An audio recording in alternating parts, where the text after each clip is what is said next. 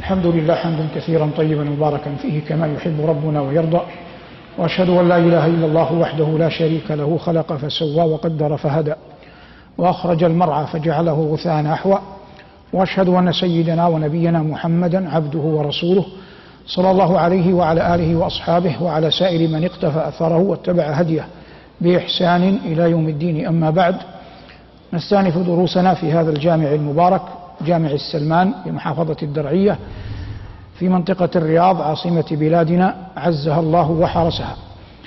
لقاء اليوم كما جرت العادة يكون العنوان من آيات كتاب الله. وقد مضى القول من قبل أننا نتحدث في هذا العام عن الاستفهام في كلام الملك العلام. عنوان الدرس ألم نجعل الأرض مهادا؟ والآية محفوظة ولله الحمد في قلوب أكثر المسلمين لأنها من سورة النبأ وسورة النبأ قلما مسلم لا يحفظها. قال جل ذكره عما يتساءلون عن النبأ العظيم الذي هم فيه مختلفون. وقد مر معنا في سنين مضت ودروس سبقت أننا عرجنا على كثير من آيات هذه السورة المباركة. والدرس اليوم غالبه إن شاء الله صبغة لغوية.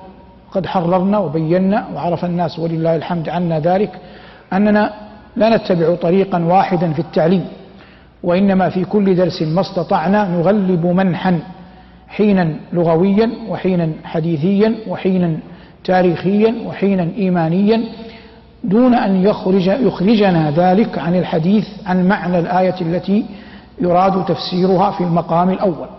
قال أصدق القائلين ليبين لعباده عظيم قدرته وليقيم الحجة على من كفر به وكذب رسوله. ألم نجعل الأرض مهادا والجبال أوتادا؟ وقريش المخاطبون الأولون بهذا القرآن لا ينكرون أن الله عز وجل هو الذي خلق الأرض وجعل عليها الجبال. والأرض والجبال كلاهما من خلق الله وخلق الأرض ذكر في القرآن كثيرا. قل إنكم لتكفرون بالذي خلق الأرض في يومين وتجعلون له أندادا. والآيات في هذا كثيرة وكذلك ذكرت الجبال وخلقها. قال جل وعلا ألم نجعل الأرض مهادا ألم نجعل الأرض مهادا والجبال أوتادا. وقال غير ذلك رواسي شامخات وأسقيناكم ماء فراتا وهذا في المرسلات. والمراد إقامة الحجة عليهم. فأما قول الله ألم نجعل الأرض مهادا هذا أسلوب استفهامي تقريري أسلوب استفهامي تقريري ولفظ مهد في اللغة إنما يراد به التوطئة. قال صناع وحذاق العربية إن الميم والهاء والدال تدل على توطئة الشيء. وفي التنزيل قالوا كيف نكلم من كان في المهد صبيا؟ أي الفراش المهيأ الوثير لذلك الصبي والمراد به في هذه الآية عيسى بن مريم عليه الصلاة والسلام. وهذا كثير في القرآن وحتى أهل النار عاذنا الله وإياكم منها تهكما بهم وزيادة في العذاب. ربنا عز وجل يقول لهم من جهنم مهاد وهنا قال أصدق القائلين ألم نجعل الأرض مهادا؟ ثم قال والجبال أوتادا حتى لا تنكفئ على الأرض ولا يصبح ولا تصبح الأرض غير ثابتة فجعلها الله عز وجل راسية بما أقامه عليها من جبال وقد مر معنا هذا كثيرا. ثم قال جل وعلا في السورة نفسها إن للمتقين مفازا حدائق وأعنابا وكواعب أترابا وهذا مضى. ثم قال وكأسا دهاقا. أكثر أهل التفسير ونحن معهم على أن المراد بالكأس هنا كأس الخمر.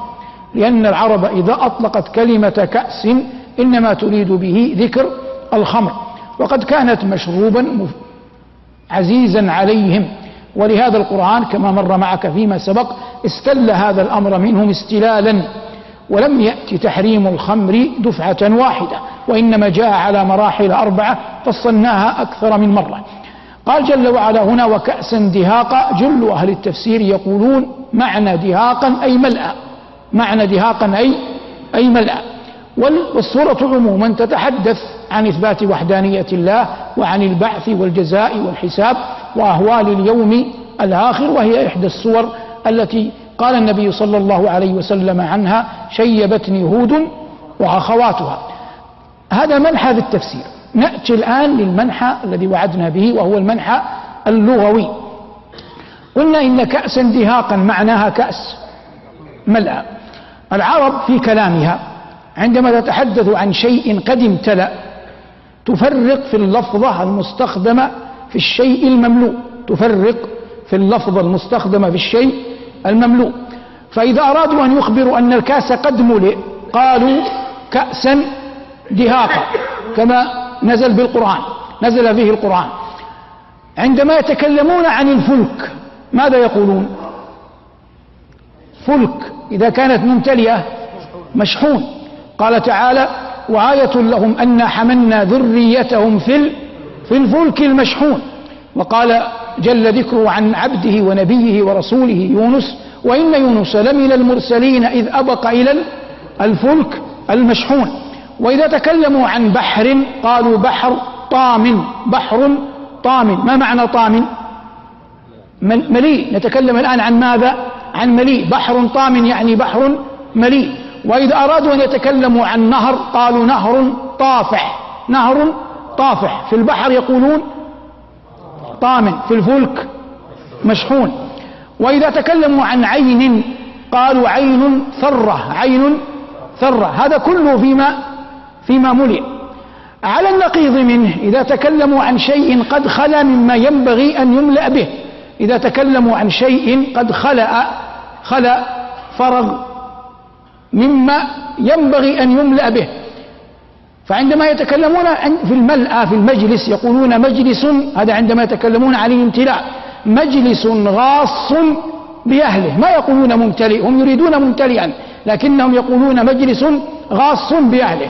قلنا يقابلها النقيض يقابلها النقيض. وحاول الآن أن تستدعي فهمك. ليس شرطا في قضية الملأ الشيء الوفير إنما الحديث الآن عن الشيء الذي غالبا ما يلتصق بهذا الأمر. ما يلتصق بهذا الأمر. س يعني أذكر أمثلة في الأول تعان إن شاء الله أنت على التالي. يقولون أرض قفر يقصدون لا لا أحد فيها. أرض قفر يعني لا أحد فيها. ويقولون أرض جرز بمعنى لا نبات فيها. أرض جرز كما قال أخونا أي لا لا نبات فيها. ويقولون دار خاوية أي لا أهل فيها. دار خاوية أي لا أهل فيها. ويقولون بطن طاو أي لا طعام فيه أي وأنت لا تصف أنت أنفي يعني ابدأ بالله لابد في جوابك تبدأ بالله بطن طاو أي لا لا طعام فيه ويقولون بعير علط. بعير علط. ما معنى بعير علط؟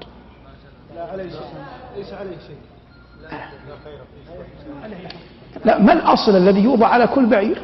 كل بعير. ولو ما له سنة ما صار بعير.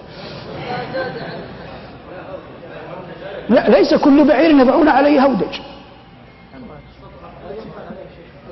كيف يفرق ما بين بعير وبعير؟ وسم يقولون بعير علط أي لا وسم عليه. بعير علط أي لا وسم عليه. ويقولون امرأة عطل امرأة عطل ما الأصل في كل امرأة؟ الحلية. ما الأصل في كل امرأة؟ الحلية الزينة. فامرأة عطل أي لا لا حلية عليها. قال تعالى أو من ينشأ في الحلية وهو في الخصام غير غير مبين. فإن الأصل أن المرأة تتزين. هذا يعني أشياء كثر لكن لا نريد أن نخرج الدرس عن كونه تفسيرا لكن هذا شأنه حسن في أن تفقهه لأن هذا يعينك إن شاء الله تعالى على فهم كلام رب العالمين. يقولون محبوس طلق. طبعا بادي الرأي أول ما تسمع الكلمة محبوس طلق أنت ترى أنها لا تجتمع. محبوس وطلق. لكن يمكن أن تجتمع أن تقول محبوس لا. مشايخ. أي منطق. لا قيد. محبوس لا قيد عليه. يعني متروك في السجن يمشي ويذهب. لكن لو. لكنهم يقولون محبوس طلق في آن واحد يقصدون أنه لا قيد عليه والحبس جاء في القرآن تسميته بالسجن. قال الله عز وجل عن الصديق يوسف قال ربي السجن أحب إلي مما يدعونني إليه. وقال الله تعالى عن فرعون يتوعد موسى لئن ذكر فيها آية السجن في الشعراء. قال إن رسولكم الذي أرسل إليكم لمجنون إلى أن توعده فرعون بالسجن. وورد كذلك في خبر الهدهد ما لي لا أرى الهدهد أم كان من الغائبين لو عذبنه عذابا أو شديدا أو لأذبحنه أو ليأتيني بسلطان مبين. جاء بالتفسير ليس في لفظ القرآن. يقولون هذا استطراد. أسوأ السجون ما هو؟ في الدنيا نتكلم الآن. أسوأ السجون مجالسة الأضداد أسوأ السجون مجالسة الأضداد لا يوجد للرجل الحر مسجد أغيض عليه من أن يجلس مع ضد له لأنهما لن يتفقا ولا نريد أن نفصل لكن هذا واضح. فقالوا في وعيد سليمان عليه السلام للهدهد لو عذبنه عذابا شديدا أو لأذبحنه أو ليأتيني بسلطان مبين قالوا إنه يجعله مع أضداد له في سجن واحد وقالوا غير ذلك في تفسير الآية لكن المقصود في بيان صدق قول العرب في غالب أحوالهم قالوا أسوأ السجون مجالسة الأضداد.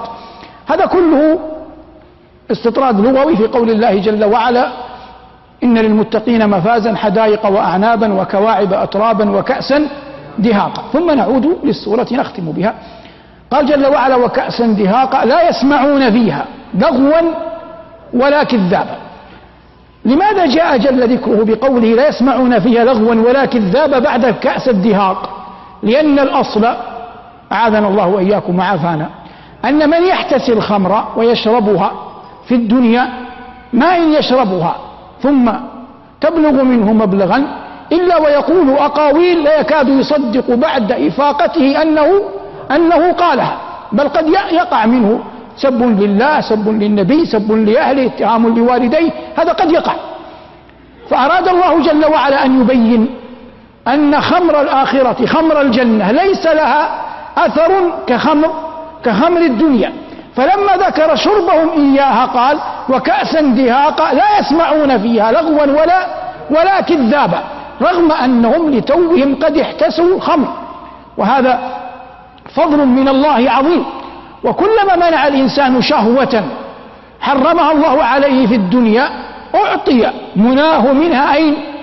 في الآخرة. أعطي مناه منها في الآخرة. ولهذا أخبر صلى الله عليه وسلم أن مدمن الخمر لو قدر له أنه تاب ودخل الجنة على بعض الأقوال في فهم الحديث النبوي أنه يحرم من من أن يسقى الخمر في الجنة. وإن كان هذا قول لبعض أهل العلم وقد لا أراه راجحا لكن ليس الأمر بالجزم الذي يمكن الترجيح فيه بيسر قال جل وعلا كأس دهاقا لا يسمعون فيها لغوا ولا ولا كذابا. لغوا هنا بمعنى الشيء المطرح الشيء المترك الشيء الذي لا يعتد به أحد الذي لا يعتد به أحد يسمى يسمى لغوا.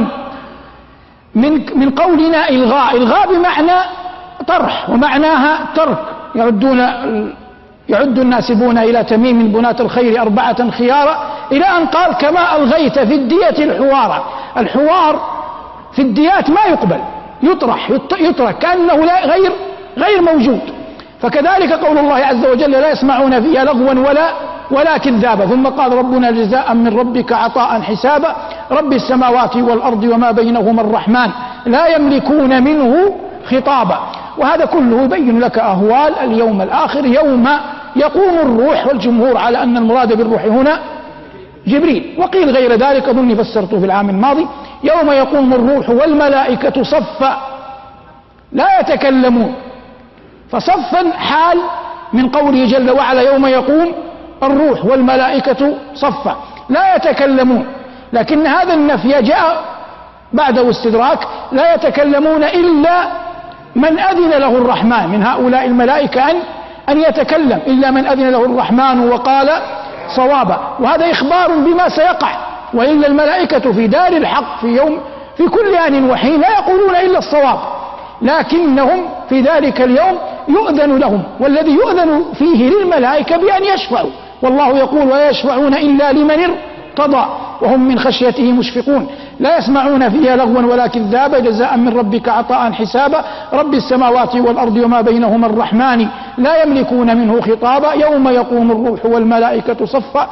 لا يتكلمون إلا من أذن له الرحمن وقال صوابا. قال رب العزة بعدها ذلك اليوم الحق وكل أيام الله حق. لكن ذلك اليوم يبلغ المنتهى في الحق لأنه ليس هناك يوم من جنسه مثله بعده. ليس هناك يوم من جنسه مثله بعده. ذلك اليوم الحق. فمن شاء اتخذ إلى ربه مآبا.